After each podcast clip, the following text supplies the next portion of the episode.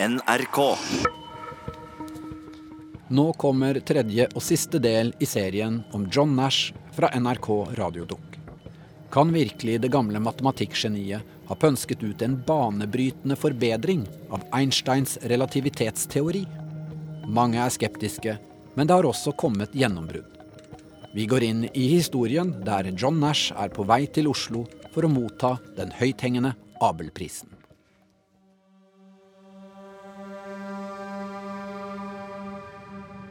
Han de hadde jo en egen sjåfør her i Oslo. Han var etter dem hele tiden, for de brukte ikke De ville ikke bruke setebelter. Jeg skjønte at han, de, han var ganske klar på noe, at jeg vet du hva, jeg kjører ikke før de, to, de beltene dere sitter på. I to og et halvt år nå har jeg forsøkt å komme til bunns i et vitenskapelig mysterium. Har du sett filmen 'A Beautiful Mind'? John Nash, nobelprisvinner i økonomi, men egentlig matematiker.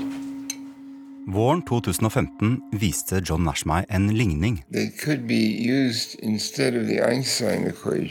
som han mente kunne erstatte Einsteins relativitetsteori. Etter Nash død spurte jeg professor Øyvind Grønn om han ville undersøke ligningen nærmere. Så jeg tok en litteratursøk for å se om noen hadde gjort det.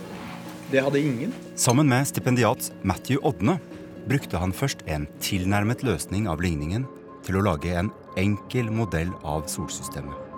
Én sol i midten, én planet rundt. Perihelpresisjonen. Og Nash-ligningen ga perfekt resultat. Neste skritt var å finne en eksakt løsning. Ingen tilnærming. Og satt en hel natt i et hotell i Berlin og regnet sammen. Men det skulle ta nesten et år før de klarte det. Og Matthew feira med noe godt å drikke. Jeg tror jeg tok en kakao etter. Og nå har de tatt fatt på den store oppgaven. Å lage en modell for hele universet. Med stråling og støv og stjerner og planeter og alt som er. Dessverre har skeptikeren Marit Sandstad alt fra starten sagt at prosjektet er håpløst. Den typen teori som han viste opp, har allerede noen bevist at den fungerer ikke. Men hun har enda ikke sett hva Grønn og Ådne har fått til. Og dersom de lykkes fullt ut, så vil det være en sensasjon. For da kan vi kvitte oss med det mystiske begrepet mørk energi. We don't know what it is, but we know the dark energy must amount to about 75% of the total energy density of the universe. Det er snart på tide at Sandstad og Grønn møtes. Dette er tredje del av historien om Nash-ligningen julenatt.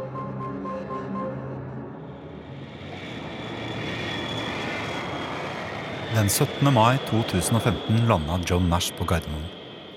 Der ble jeg møtt av Anette Burdal Finsrud fra Det norske vitenskapsakademiet. De kom lørdag. De blei jo faktisk invitert av stortingspresidenten til å se på 17. mai-toget eh, den dagen. Men han hadde ikke Eh, Han ville slappe av og sove. Så han hadde jo snakka med meg i telefonen og sa at om vi ikke kunne utsette det til seinere. Og man utsetter jo ikke verken stortingspresidenten eller eh, 17. mai-toget. Heldigvis for eh, Anette hadde John Nash med seg kona, Alicia. Og um, hun var jo den som passa på at den faktisk eh, eh, var til stede, var klar, hadde kledd på seg. Tatt på seg de rette klærne. Jeg fant jo fort ut, og det sa jo også kona, at eh, jo færre alternativer, valgalternativer han fikk, jo bedre var det. For han kunne jo sitte på, på restaurant og bruke halve kvelden på å bestemme seg for hvilken forrett han skulle ha. Så det var kanskje greit å, å overlate noen beslutninger til henne. MIT, Boston, 1954. Ved biblioteket var det en egen musikkavdeling. Der lånte man plater og hørte på dem i egne lytterom. Nash brukte timer der inne. Han hørte på klassisk, Bach og Mozart. Høsten 1954 tilbrakte han ekstra mye tid i platebiblioteket. Det var nemlig den sommeren han hadde fått sparken fra Rand. Most Americans are repelled by the mere notion of homosexuality. The CBS News survey shows that two out of three Americans look upon homosexuals with disgust, discomfort, or fear. One out of ten says hatred. A vast majority believe that homosexuality is... Etter hvert begynte han også å snakke med den unge kvinnen som jobba på musikkbiblioteket. Eller kanskje det heller var hun som begynte å snakke med ham. Det var en mørk, slank og slående vakker overklassejente fra El Salvador. Hun var kjent for sine skyhøye stiletthæler. Ankelen hennes blei omtalt i årboka det året. Det var Alicia, og det var ikke tilfeldig at hun jobba der. A short time ago, an American airplane dropped one bomb on Hiroshima and destroyed its usefulness to the enemy. That bomb has more power than 20,000 tons of TNT. Da hun var tolv år, hadde hun som så mange andre sittet fjetret foran radioen og hørt nyhetene om Hiroshima-bomben. Og der og da bestemte hun seg for å bli atomfysiker. We have spent more than $2 billion on the greatest scientific gamble in history, and we have won. But the greatest marvel is not the size of the enterprise, but the achievement of scientific brains in making it work. Åtte år seinere var hun dermed en av kun to kvinnelige fysikkstudenter i 1954-kullet. Og hun blei straks dødelig forelska i mattelæreren, John Nash. I den grad at hun fant ut hvilke ruter han gikk til jobben, hvor han satte seg i kantina, og hvilken musikk han likte. Hun tok seg rett og slett jobb på musikkbiblioteket for å sjekke han opp. Jeg husker spesielt et bilde som, eh, som ble tatt på Slottet under eh, Under audiensen de hadde med kongen. Når jeg ser det bildet hvor stolt hun ser, Alicia ser på, på mannen og sier liksom Ja, eh, vi klarte det, eller vi fikk det til, eller vi oppnådde det, eller Det var noe i det blikket og i det bildet som jeg syntes var helt fabelaktig. Så ja, Har du noen tanker om hva som kan ha vært John Nash sin hensikt? Um, han skriver jo i dette opprinnelige dokumentet sitt uh, at det Det er tidlig høst eh, 2016. i forhold til, Jeg, eh, Øyvind Grønn og Matthew Odne sitter i kantina på Høgskolen i Oslo og diskuterer resultatene så langt. Og så begynner vi å snakke om hvorfor. Hvorfor Nash egentlig ville undersøke relativitetsteorien og universmodeller. Men nå må jeg spørre deg, Torkil. Fortalte John Nash hvilke motiver han hadde, hva han ønsket? Gjorde han det? Og jeg begynner å tenke på noe han sa til meg da jeg møtte han i Princeton. Many people have some interest in cosmology. Of course, I have had, been like that.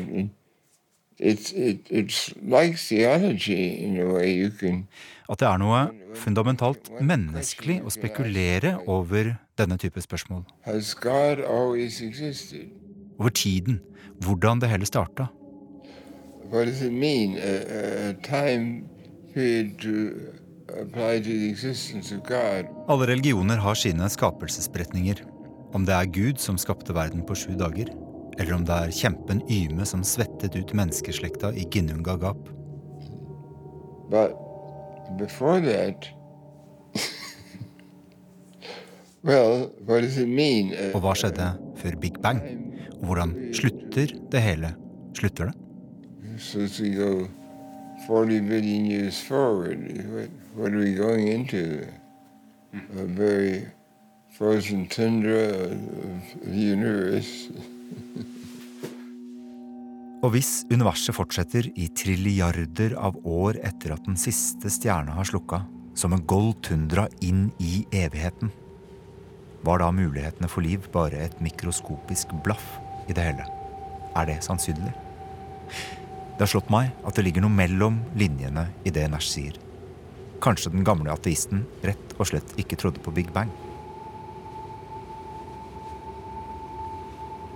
Men han skrev ikke om det i manuset sitt.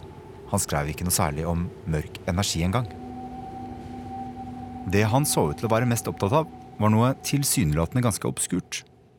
Han ville at eh, bølger skulle kunne ha andre egenskaper. De skulle ikke nødvendigvis være Er det gravitasjonsbølger han snakker om, Matthew? Jeg tror det. Ja. Mm. Aha. Ja. Gravitasjonsbølger.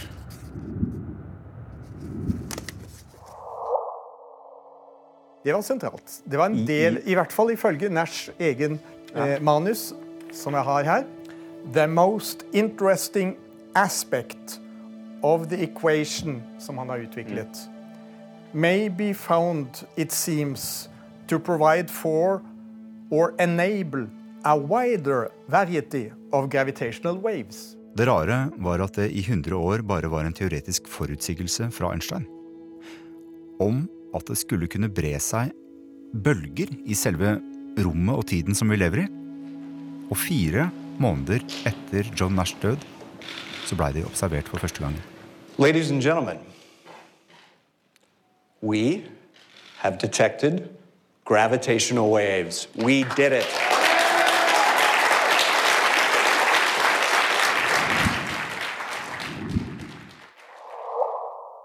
Dette her er eh, gravitasjonsbølgene fra to sorte hull som kolliderer, oversatt til lyd.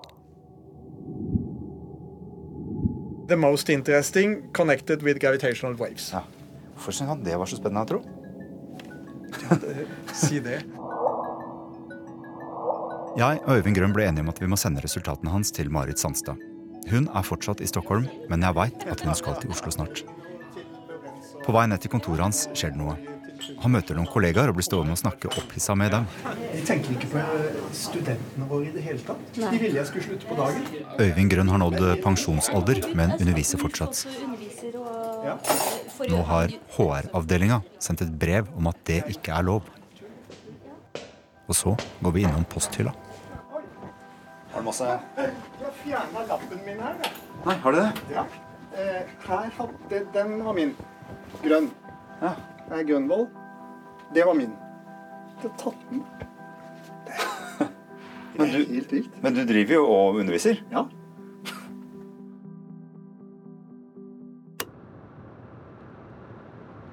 Natt til tirsdag Jeg tror det ringte meg sånn ved en halv ett-tiden. For da Det var i hvert fall Temperaturen var ikke riktig på, på, på rommet på hotellet. Mai 2015. Det er natta før den høytidelige seremonien der kongen skal dele ut Abelprisen til John Nash. Jeg tror vi satt der nesten tre kvarter av time ja, og snakka og, om et eh, aircondition-anlegg og ventil ja, ventilasjon. Og tirsdagen ehm, Jeg veit ikke om han gikk på Om han gikk på medisiner. Men på prisutdelingen så var han Han virka veldig fjern. Deres Majestet, minister, Deres Eksellenser. Han så ut som han sovna der et, eh, en periode, så vi var jo Vi var jo veldig nervøse, da, for vi fikk jo også tilbakemelding om at han kunne finne på å ta, kjøre hele showet på når han skulle, når han skulle si sin korte takketale under eh, selve seremonien. Uh, Han gjorde jo ikke det. Det gikk jo veldig fint. Seinere samme kveld var det middag. Stor bankett med konge, regjering og et hundretalls gjester i smoking og gallakjoler.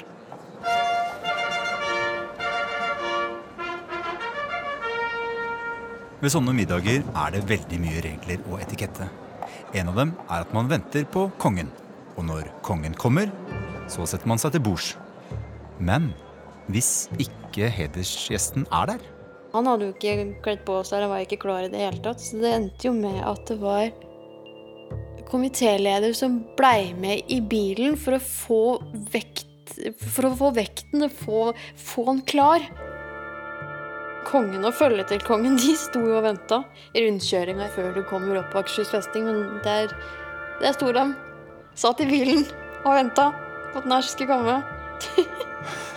Så de satt og venta i bilen? Ja. I en rundkjøring? Ja. Å, det var fint. Men banketten gikk bra. Ehm, Jeg satt ved siden av han, og bortsett fra at han mistet en tann, faktisk, eh, så gikk banketten bra. Det virket som både han og kona koste seg. Mista han en tann? Han mista en tann, rett og slett. Jeg vet ikke hvorfor. Det var kunnskapsminister Torbjørn Røe Isaksen som var vert for banketten. Så jeg hadde, hadde vel egentlig forventa nesten at han skulle være rarere enn det han var. Men han var egentlig Han var, en, han var jo ganske gammel da. En relativt stillferdig, snakket ganske lavt. Eh, men også mm, oppvakt og interessert og mulig å snakke med. Mm. og han hadde jo også et veldig sterkt ønske om å møte Magnus Carlsen. I heard that you asked uh, to meet uh, Magnus Carlsen when you get to Oslo. It's my son, really. It's your son, all right. My son, but he is mentally disturbed, unfortunately. Here is my son with me. My son stands taller there. Det var Nashs yngste sønn John Charles, eller Johnny som han eh, blei kalt, som ville møte Magnus Carlsen. Well, we don't know that he's going to Norway. Oh no, okay, I see. He's Because supposed to go with us, but he might, he might not want to go. Hmm. And so we have a trouble, there's psychological troubles. right, he had I'm hoping he will go. Some of the same kind of illness that you had. Or had. Men når det kom til stykket, var Johnny for sjuk til å bli med. Begge sønnene hans er jo ikke friske. Er den andre sønnen heller ikke frisk?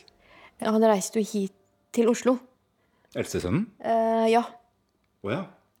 Og eh, det var en uheldig episode mellom Alicia, John og han eldste sønnen.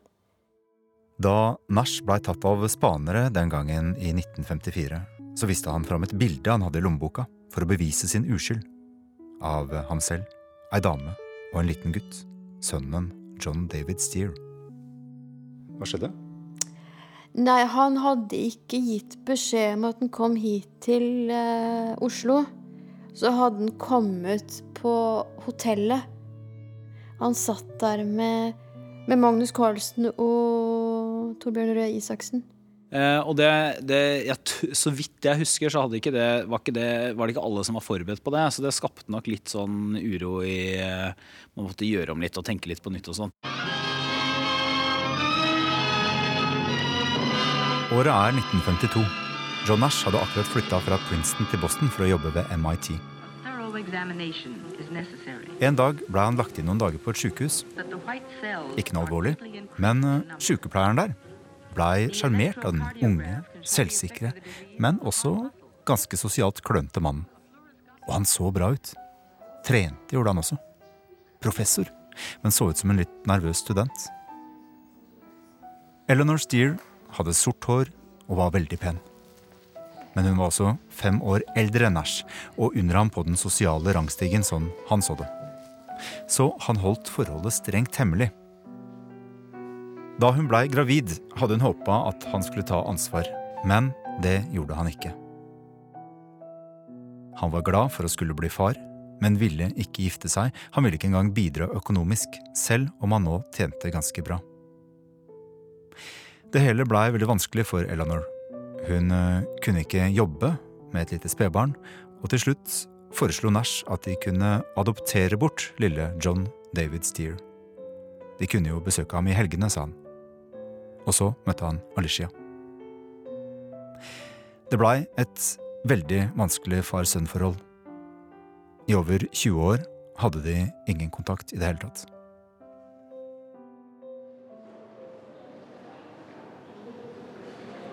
Dagen etter prisutdelinga holder Nash Abel-forelesninga ved Universitetet i Oslo. Og igjen så virker han ganske sliten og ufokusert. Men så skjer det noe. Hele Abel-prisfølget drar til Bergen, og der holder Nash et nytt foredrag. Enda en gang forteller han om den ligningen han hadde vist meg på kontoret i Princeton. Og det var jo en fabelaktig forelesning. Det, han var jo virkelig våken og engasjert. Og når man hører folk som var der fortelle, så skulle man tro at de snakka om en annen person. Det var skjellsettende kveld i Bergen hvor Nash holdt sitt foredrag. Det var helt fullt, og folk satt på trappa. Ja, Det var jo pakka fullt. Helt fabelaktig stemning. Det han startet, da ble han veldig ivrig og vil gjerne fortsette. Lenge over tide. Dette høres ut som den Nash som noen av de yngre studentene i Princeton fortalte meg om. Nysgjerrig, på hugget, våken, skarp. Og han var helt skarp. Han, han, han, diskuterte mange ting, og veldig ivrig på å diskutere det norske juridiske systemet. Så han, han var, var, godt informert om ting. Det her er matematikeren Hans Munthe Kaas fra Universitetet i Bergen. Jeg husker én ting, og, og, det var jo at han, skulle fly fra Oslo til Bergen. Og jeg var ledsageren på den flyturen, og han var så nervøs for å fly, for han mente det var så usikkert å fly. Og jeg drev og tenkte på at dette med å fly er jo ikke farlig i det hele tatt. Det, det er jo transporten til og fra flyplassen som er farlig.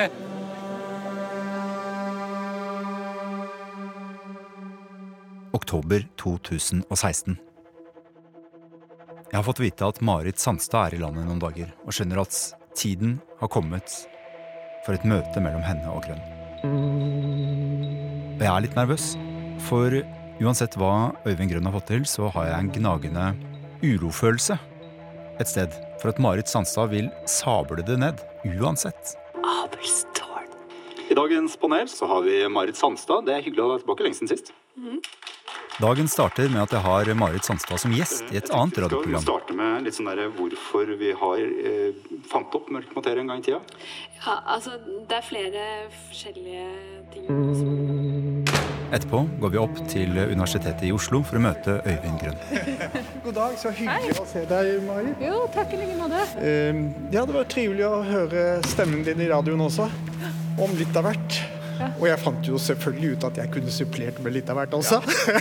det er et uh, begrenset tidsformat. Det er noe ja, det, er det, det også. Som... Det er mulig jeg tolker for mye i det, men jeg syns det virker som om de føler hverandre litt på tennene allerede før vi har starta. Jeg er jo fryktelig kritisk til mildgromsteori. Jeg, jeg ja. syns ikke den er noe fin i det hele tatt. En adhoc-teori laget for å forklare en bestemt gruppe observerbare fenomener ikke en prinsippteori som Einsteins vakre, flotte teori. Det er noe annet. Det. Vi går opp på kontoret til Øyvind Grønn. Han har nemlig undervist både her og på høyskolen hvor jeg møtte ham tidligere. Og på begge kontorene så har han de samme to små bildene på veggen. Av Einstein og Jesus. Her er det ganske så uforstyrret. Av en eller annen merkelig grunn så har jeg fått beholde kontoret her. Men de bruker, de, de, det er gjestekontor for dem. Alene, eller? Ja, men det er gjestekontor. Og jeg er her aldri lenger. Ja. De tok fra meg relativitetsstrykurset. Han har fått beholde kontoret, men får ikke undervise lenger. Og den nye foreleseren har en litt annen innfallsvinkel til stoffet. Men han legger det opp litt mer feltteoretisk. Han legger det opp litt mer feltteoretisk. Det høres ut som en bagatell, men det er det avgjørende punktet i duellen som kommer. Vi varmer opp med et sitat fra Sommerboka av Tove Jansson. De begynte å samle knokler langs stranden. Å lete og samle er noe helt for seg selv, fordi man eh, ikke ser annet enn det man leter etter. Hvis man plukker tyttebær, ser man bare det som er rødt. Og hvis man leter etter knokler, ser man bare det hvite. Hvor man enn går, ser man ikke annet enn knokler. Sofia og farmoren la alt de fant i spøkelsesskogen.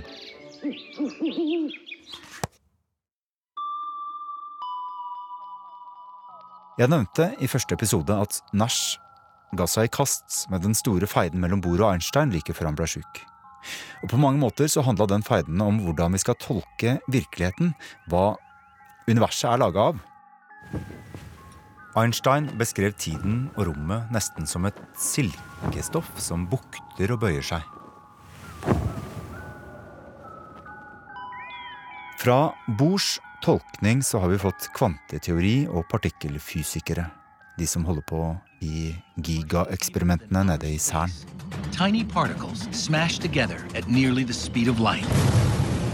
Og for dem så er verden et enormt biljardbord.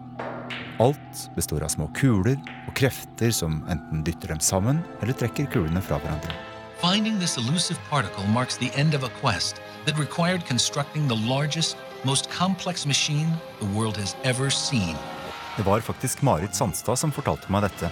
At de store partikkeleksperimentene, som CERN, også er utdanningsmaskiner. Tusenvis av fysikere har tatt sine master- og doktorgrader der. Og etterpå siver de inn i alle andre disipliner, som kosmologien. Men om det var røde tyttebær de lette etter da de var på Cern, så er det kanskje fortsatt mest røde tyttebær de ser. Også når de kikker ut i verdensrommet. Kanskje spør de ikke engang hvor de hvite knoklene ligger begravd. John Nash holdt seg til Einsteins syn på verden, og det gjør Øyvind Grønn også. Mitt utgangspunkt eh, for å være såpass positiv til denne teorien, er at jeg hadde nær sagt, er at jeg er meteorolog. jeg har ikke kvantemekanikk og ikke kvantefeltteori, og arbeider ut fra klassisk eh, teori. Det betyr ikke kvanteteori. Og så forteller han Marit Sandstad om hva han og Matthew Odne har oppnådd. En eksakt løsning av Nash-ligningene. Så, så, så nå er vi der. Nå kan vi regne eksakt. Og bli kvitt den kosmologiske konstanten. De løsningene, de skal svare til det, det, må jeg gjenta, for det, dette, dette, må oppfattes korrekt. Altså tomt rom i Nash-teorien svarer til rom med vakuumenergi, beskrevet ved kosmologisk konstant, i Einstein-teorien. Og nå en kime til en hel universmodell. Og nå vil vi gå videre og se hva da med et univers fylt av kald materie. Det er akkurat der vi er nå i dag. Eh, la meg begynne historien på en litt annen måte. Så når jeg ser det som Nash gjorde også når jeg leste i manuskriptet hans, så handler det om å starte med en, eh, komponenter som er de samme komponentene som vi liksom leker med når, i Einsteins teori også. Så er det Marit Sandstads tur. Hun begynner med å snakke om noe hun kaller massive spinn to-felt. Som er, gir eh, et spinn to-felt, et graviton... Og om gravitoner og om frihetsgrader. Det er avansert, og det er abstrakt, og det er en historie om teoretiske undersøkelser som ble gjort tilbake på 60-tallet. Ja, da skal du egentlig ha fem frihetsgrader. Men den Firt-Pauli-teorien får isteden seks. Og den sjette er noe som vi kaller et spøkelse. Og et spøkelse er et felt med feil type kinetisk energi. Det har en negativ kinetisk energi. Og poenget er at det er fint lite du kan gjøre med Einsteins ligninger før disse her spøkelsene kommer. Og, er, og akkurat nå så er det sånn at man Det er mulig at hvis du har noe som er kalles Gauss-Bonnet-kombinasjonen av disse, eller hvis du bare har en R, så kan du få noe som ikke har spøkelser. Men hvis du gjør noe annet, sånn som Nash har gjort, så er spøkelsene der, og de gjør teorien din syk. Er, eh, hvordan er disse spøkelsene frem, har, det, har hele den filosofien her litt sammenheng med forsøket på å lage en kvantegravitasjonsteori, siden du snakker om gravitoner? Det har noe med det å gjøre, men det har også med andre helt sånn Øyvind er opptatt av om spøkelsene bare kommer dersom vi blander kvanteteori og partikkelfysikk inn i suppa, og Marit svarer litt vagt.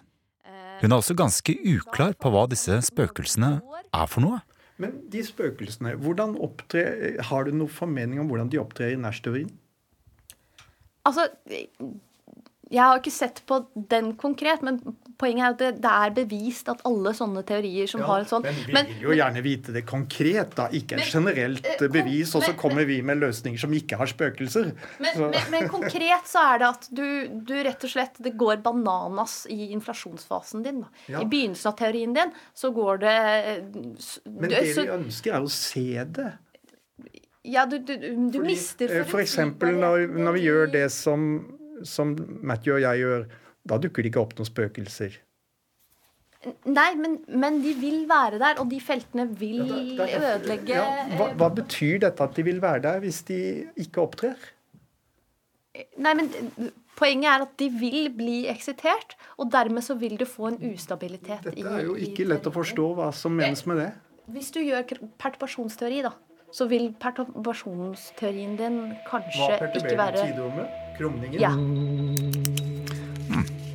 Perturbasjonsteori. Ja, men, men noe av det Dette er jo sånn Og sånn fortsetter samtalen de neste 10-15 minuttene Øyvind presser på for konkrete eksempler, men Marit svarer generelt. Går det ikke an å gjøre det sånn i rimelig grad enkelt, da? Er det helt håpløst? Klin umulig? Ja. Men til slutt gir Marit etter og tegner et konkret bilde. En pendel. Så pendler den fram og tilbake den ene veien. La oss si en pendel inne i et bestefarsur som bare skal pendle fra side til side i ett og samme plan. Men hvis pendelen henger helt fritt, så er den ustabil. Og den minste vibrasjon vil få den til å endre retning, og til slutt så har den knust glasset i bestefarsuret ditt. Men det skal liksom bare et lite vindpust til. Og så pendler du i den andre retningen. Og for en pendel så er liksom det greit. Men for disse spøkelsesfrihetsgradene, når du på en måte pendler i deres retning, når de begynner å komme opp Ja, men la oss si, nå har vi, vi har jo begge sett feltlinjen. Og fra nå av endrer samtalen karakter. For Marit forklarer i mer tekniske termer hva dette her vil bety for Øyvinds modell. Ja, da er du nødt til å ikke starte med en perfekt symmetrisk løsning og bare gå derfra. Da er du nødt til å se på perturbasjonsteori. la Så oss du må ta ha en kosmologi. Perturbasjonsteori. Det handler om å dytte lite grann på ligningene. Si at f.eks. sola ikke er helt trill rund, men litt skakk. Eller at det var noen små ujevnheter i universet rett etter fødselen. Ja, da, da får vi f.eks. kanskje strukturdannelse i dette universet vårt. Hvordan ting klumper seg og Og ut så får de modeller av hvordan vi tror hele universet ser ut. Det ligner på et gedigent tredimensjonalt spindelvev. Eller kanskje et nettverk av hjerneceller med hårtynne synapser imellom. Og hver hjernecelle er en galakse med milliarder av stjerner. Men når vi rister på Nash-ligningen, så blir det trøbbel, sier Sandstad. For der gjemmer det seg spøkelser, og som spøkelser flest er de usynlige før vi maner dem fram. Rister dem ut av ligningen. Og de ødelegger forutsigbarheten i fysikken din, så du kan ikke vite hvordan ting vil bli lenger. For en litt annerledes perturbasjon vil gi et veldig annerledes univers. Og jo mer Marit Sandstad forklarer, jo spakere blir Øyvind Grønn. Er det du sier nå, er at de uperturberte modellene er ustabile? Ja, på en måte, ja.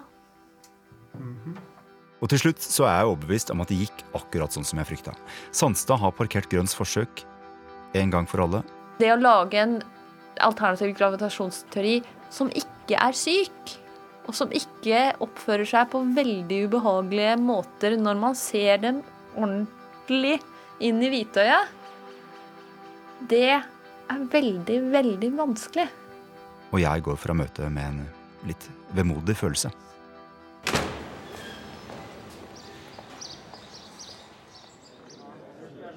Jeg satt ved siden av vinduet, og det var sol der ute den dagen. Vi er tilbake i mai 2015. Den dagen Nash holder den gnistrende forelesninga si, så er det sol i Bergen. Abelprisvinnerne skal spise lunsj med bergensordfører Trude Drevland. Hun er jo geriatrisk sykepleier. Så hun tok hånd om Nash under denne lunsjen og passet på ham, stelte fra ham. Og, så ringte hun til eh, Flesland flyplass og så sa hun i morgen tidlig så kommer dette reisefølget som skal tilbake til Oslo. Og da skal de mottas på VIP-mottakelse på, på Flesland flyplass. De skal få frokost servert, og de skal behandles som viktige gjester. Og hvis det koster noe, så send regning til Universitetet i Bergen, sa Trond Drevland. altså, det gikk veldig bra. De fikk en fin eh, frokost på, på Flesland før de dro tilbake til Oslo. Ja, skutt, ja.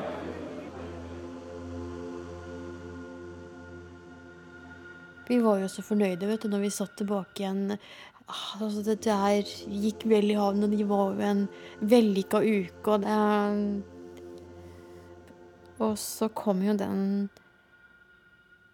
telefonen på søndag.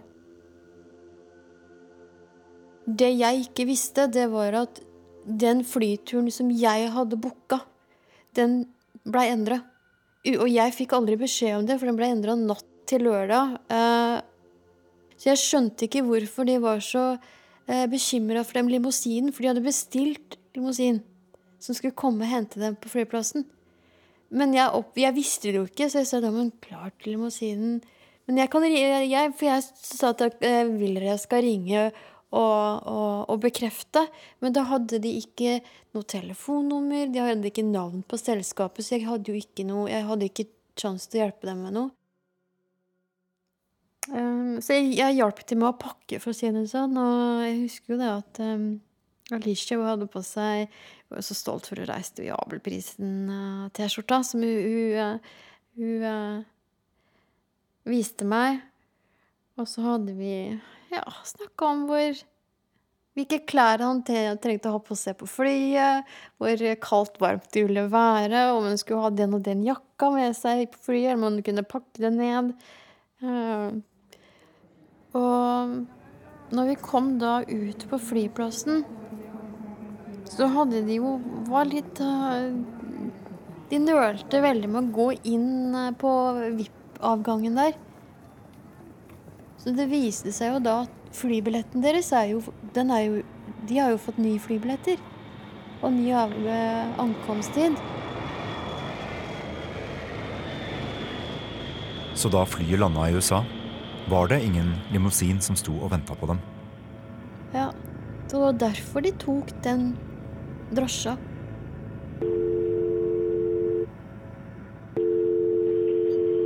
911, where's your emergency?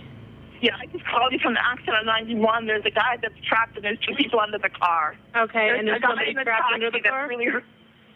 Sorry? There's someone trapped under the car, you said?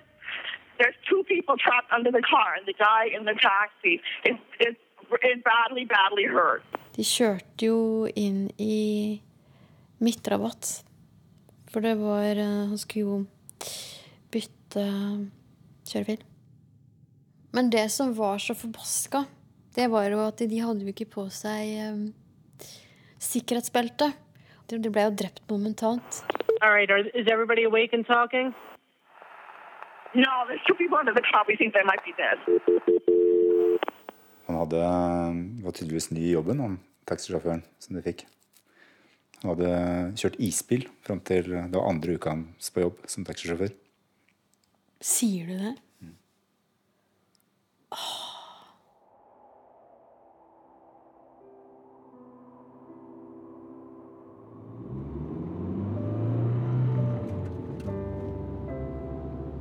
Det er julaften 2016, halvannet år seinere. Jeg er ute for å levere julepresanger og har kommet på at jeg kunne stikke innom Øyvind Grønn med en liten hilsen. En slags takk for innsatsen, takk for å ha gjort et ærlig forsøk, i det minste. Jeg veit at Øyvind Grønn er glad i dessertvin, så jeg har tatt sjansen på å sette en rød julesløyfe på en flaske morellvin jeg har laga sjøl. Jeg har ikke sagt fra at jeg kommer, men han virker heller ikke spesielt overraska når jeg står der på trammen. Han har nemlig sittet oppe på natta, forteller han, og regna på nachligningene igjen. Og i natt så fikk han et nytt gjennombrudd. For, ja, for den, den der, det er en tredjeordens stiftligning som ser ut som den er klin umulig å løse. Og så viser det seg at uh, både den og foregående kan skrives på en nesten felles måte som er veldig pen. Men, men eh, som ikke er opplagt. Den ligger ikke i dagen. Det er her det går til å bli en slags universmodell, da? Ja, ja. akkurat. Og det kom natt til julaften? Ja. ikke si det til noen.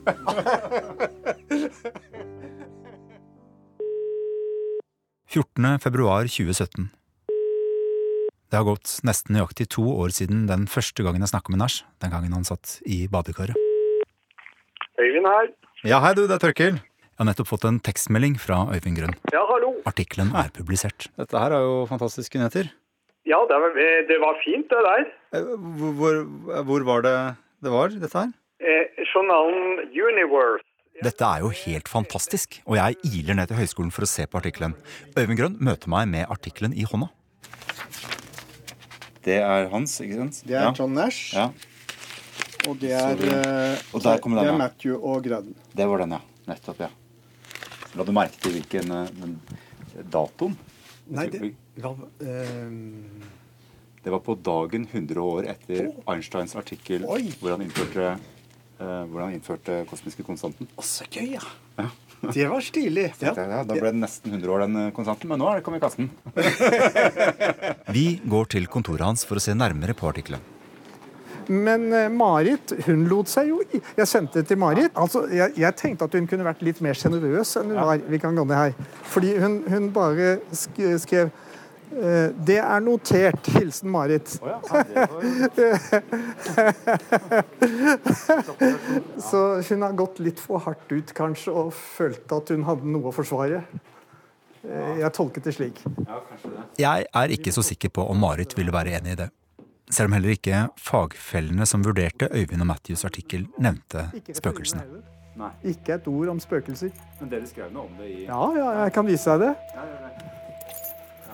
Ja, for jeg tenkte liksom at det, det hørtes ut som løpet var litt kjørt. Hun var så veldig overbevisende. Nei, men altså, jeg visste jo at det ikke stemte.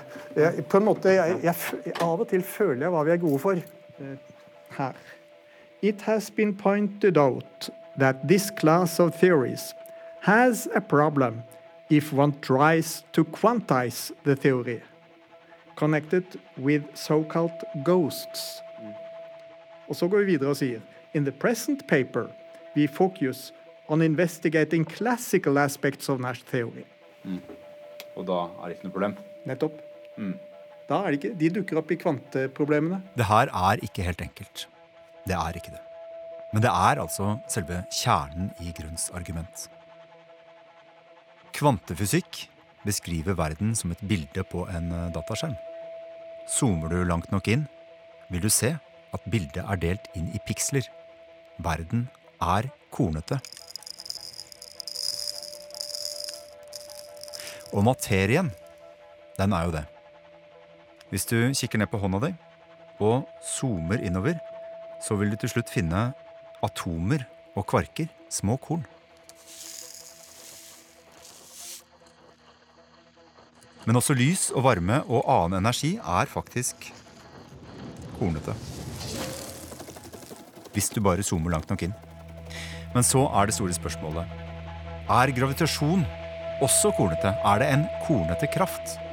Eller er det snakk om noe helt, helt annet? En glatt, geometrisk egenskap ved rommet? Og det å kvantisere gravitasjonen er det ingen som vet hvordan skal gjøres ennå. Så, så i og for seg er disse ghost-problemene også litt spekulative. I hvert fall ifølge Grønn. Ja! Hei, hei. Hei. Jeg kan ta den imot. Eller bare Ja, jeg tar tar jeg lurte på hvor i hylla er det man skal Er det legge? eller matte 3? Tretermin eller termodynamikk? Hva er det du har i hånden? Eh, Dette er eh, termofysikk. Venstre. He- eh, un- Unnskyld. Høyre. Beklager. Høyre. Helt til høyre. Ja, helt til høyre. Jeg må jo si at jeg lurer på hva Marit Sandstad egentlig synes om artikkelen. Hun har dratt tilbake til Stockholm, så litt seinere sender jeg henne en mail og spør. Hun er ikke imponert. Grønns artikkel har akkurat de samme svakhetene som Nash sitt arbeid, skriver hun. Ingen referanser til nyere forskning. Og Nash-ligningen tilhører en hel familie med ligninger som det er forsket mye på. Det er derfor ingen har tatt seg bryet med å sjekke akkurat hans variant, sier hun. Og hva verre er, mørk energi ramler nesten ut fra hvilken som helst av dem. Det blir som om du skal ha funnet opp et fantastisk nytt husholdningsverktøy, skriver hun. Men du sjekket ikke om den fantes fra før, og så viser det seg at du har oppfunnet en støvsuger. Forskjellen er bare at den er rosa og har ekstra langt skaft. Men Grønn insisterer på at man må sjekke akkurat den ene spesielle ligningen for å være helt sikker. Og han mener Nash sin ligning er interessant. Det er ikke en ferdig teori, og det påstår heller ikke Nash, men den har noen veldig lovende egenskaper. Vårt univers ser ut til å være dominert av den kosmologiske konstanten på en måte. Og den er inneholdt i Nash-ligningene for tomt rom. Det, det er nok det fineste med Nash-teorien. Ja, hva er det dere har kommet videre som ikke Nash Vi har, hadde vi har sett på kosmologiske modeller. Først for tomt rom. Ja. Helt tomt rom. Ja. Og så prøvde vi også å beskrive et univers eh, i et strålingsdominert univers. da. Altså et univers fylt av lys og stråling. Men heller ikke her putta de noe mer inn i ligningen. De gjorde bare en eh, kvalifisert gjetning for en bestemt egenskap, og så så de hva som skjedde.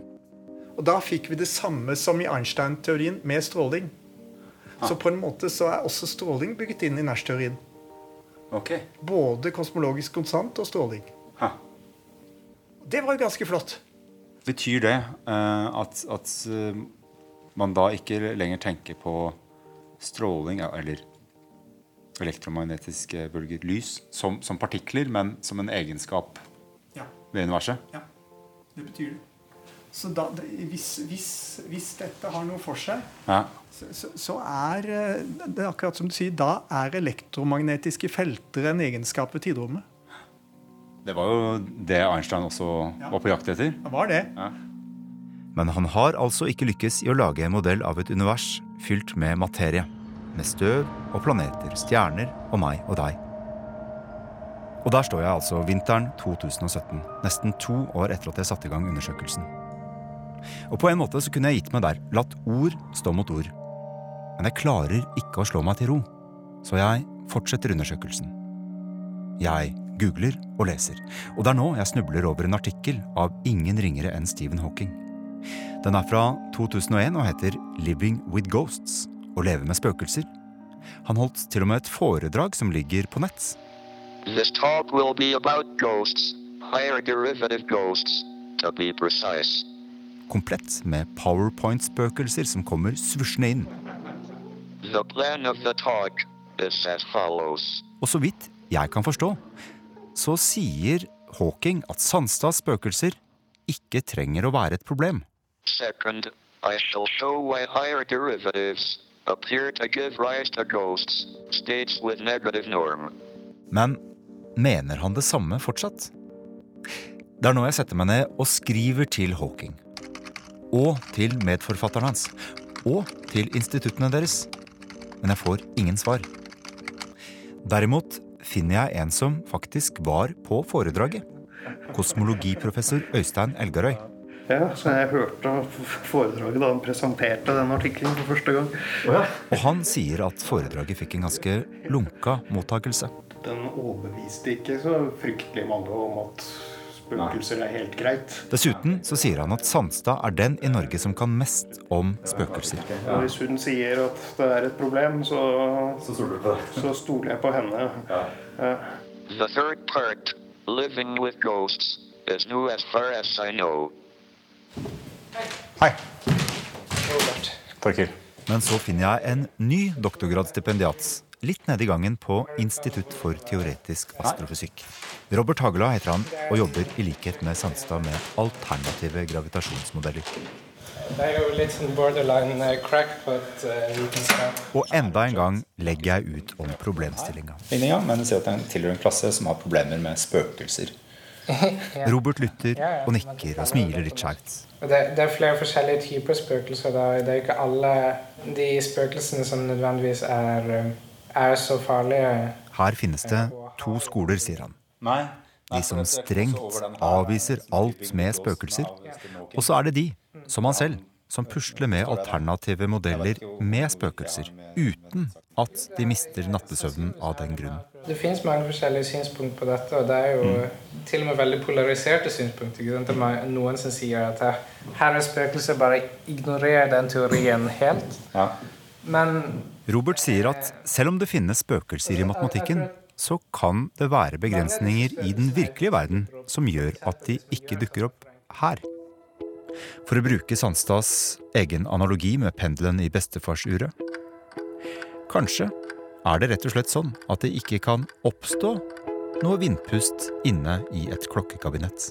så kan det være mekanismer som vi ikke har sett for oss, som vil forhindre at spøkelsene dukker opp.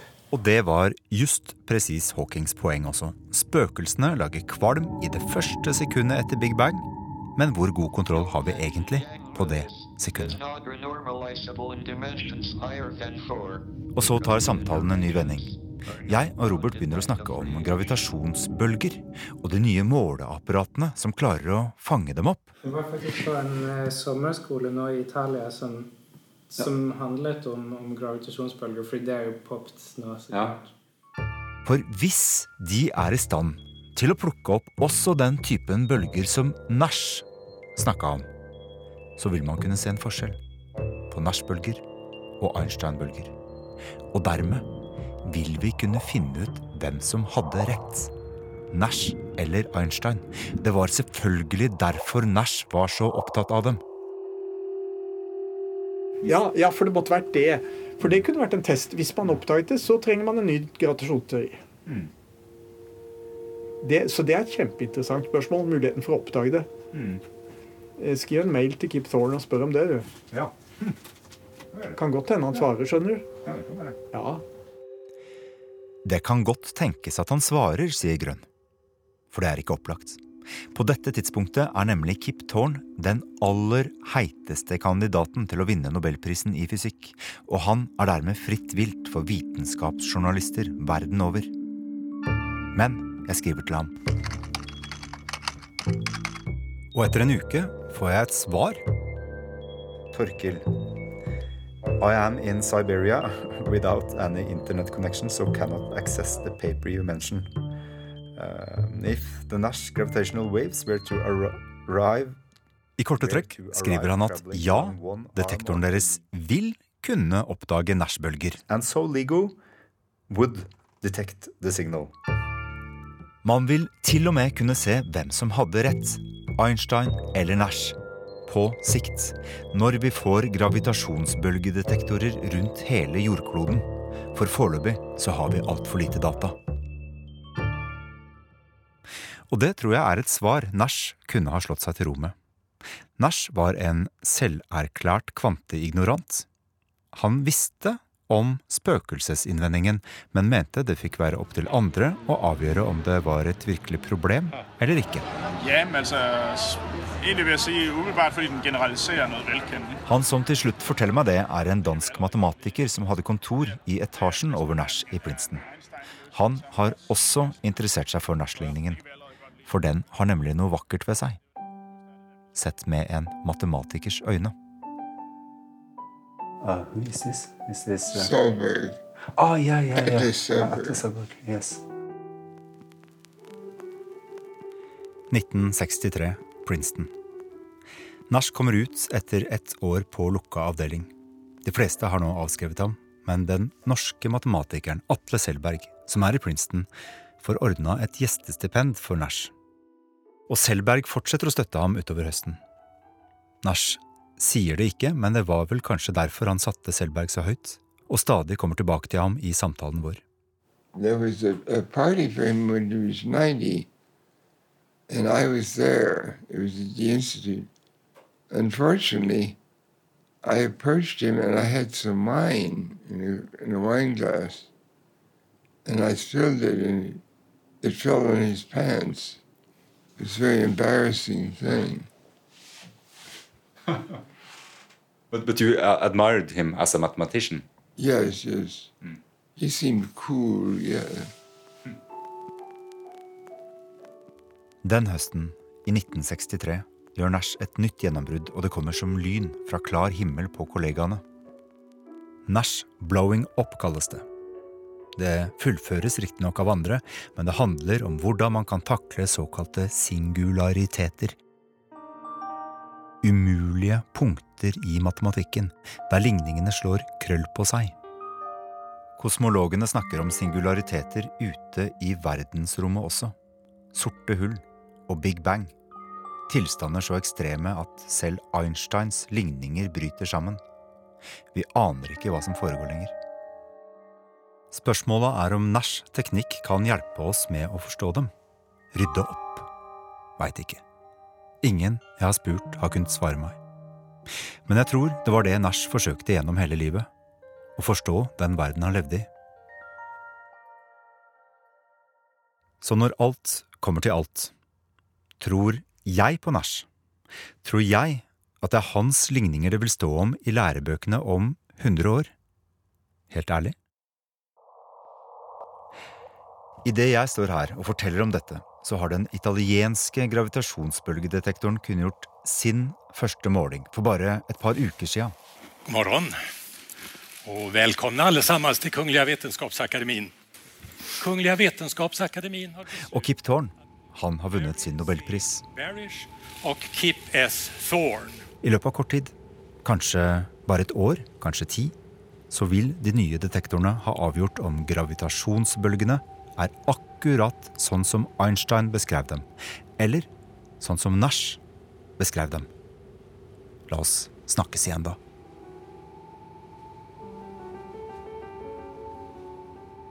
Here, here it is. An interesting uh, equation and an interesting possibility, right? Yes. This is a, a Riemann tensor. This is a, a Ricci tensor condensed from that. This is an Einstein, profound Einstein tensor,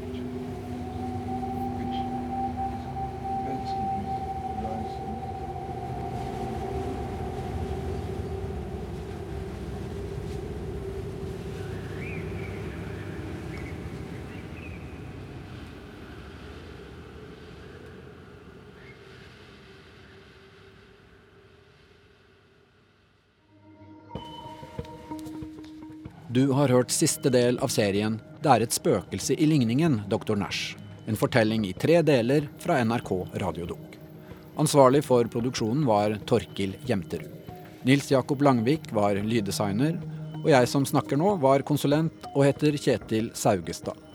Kommer det fram noe mer om dette matematiske mysteriet, så vil dere få siste nytt ved å følge med på Abels tårn på P2.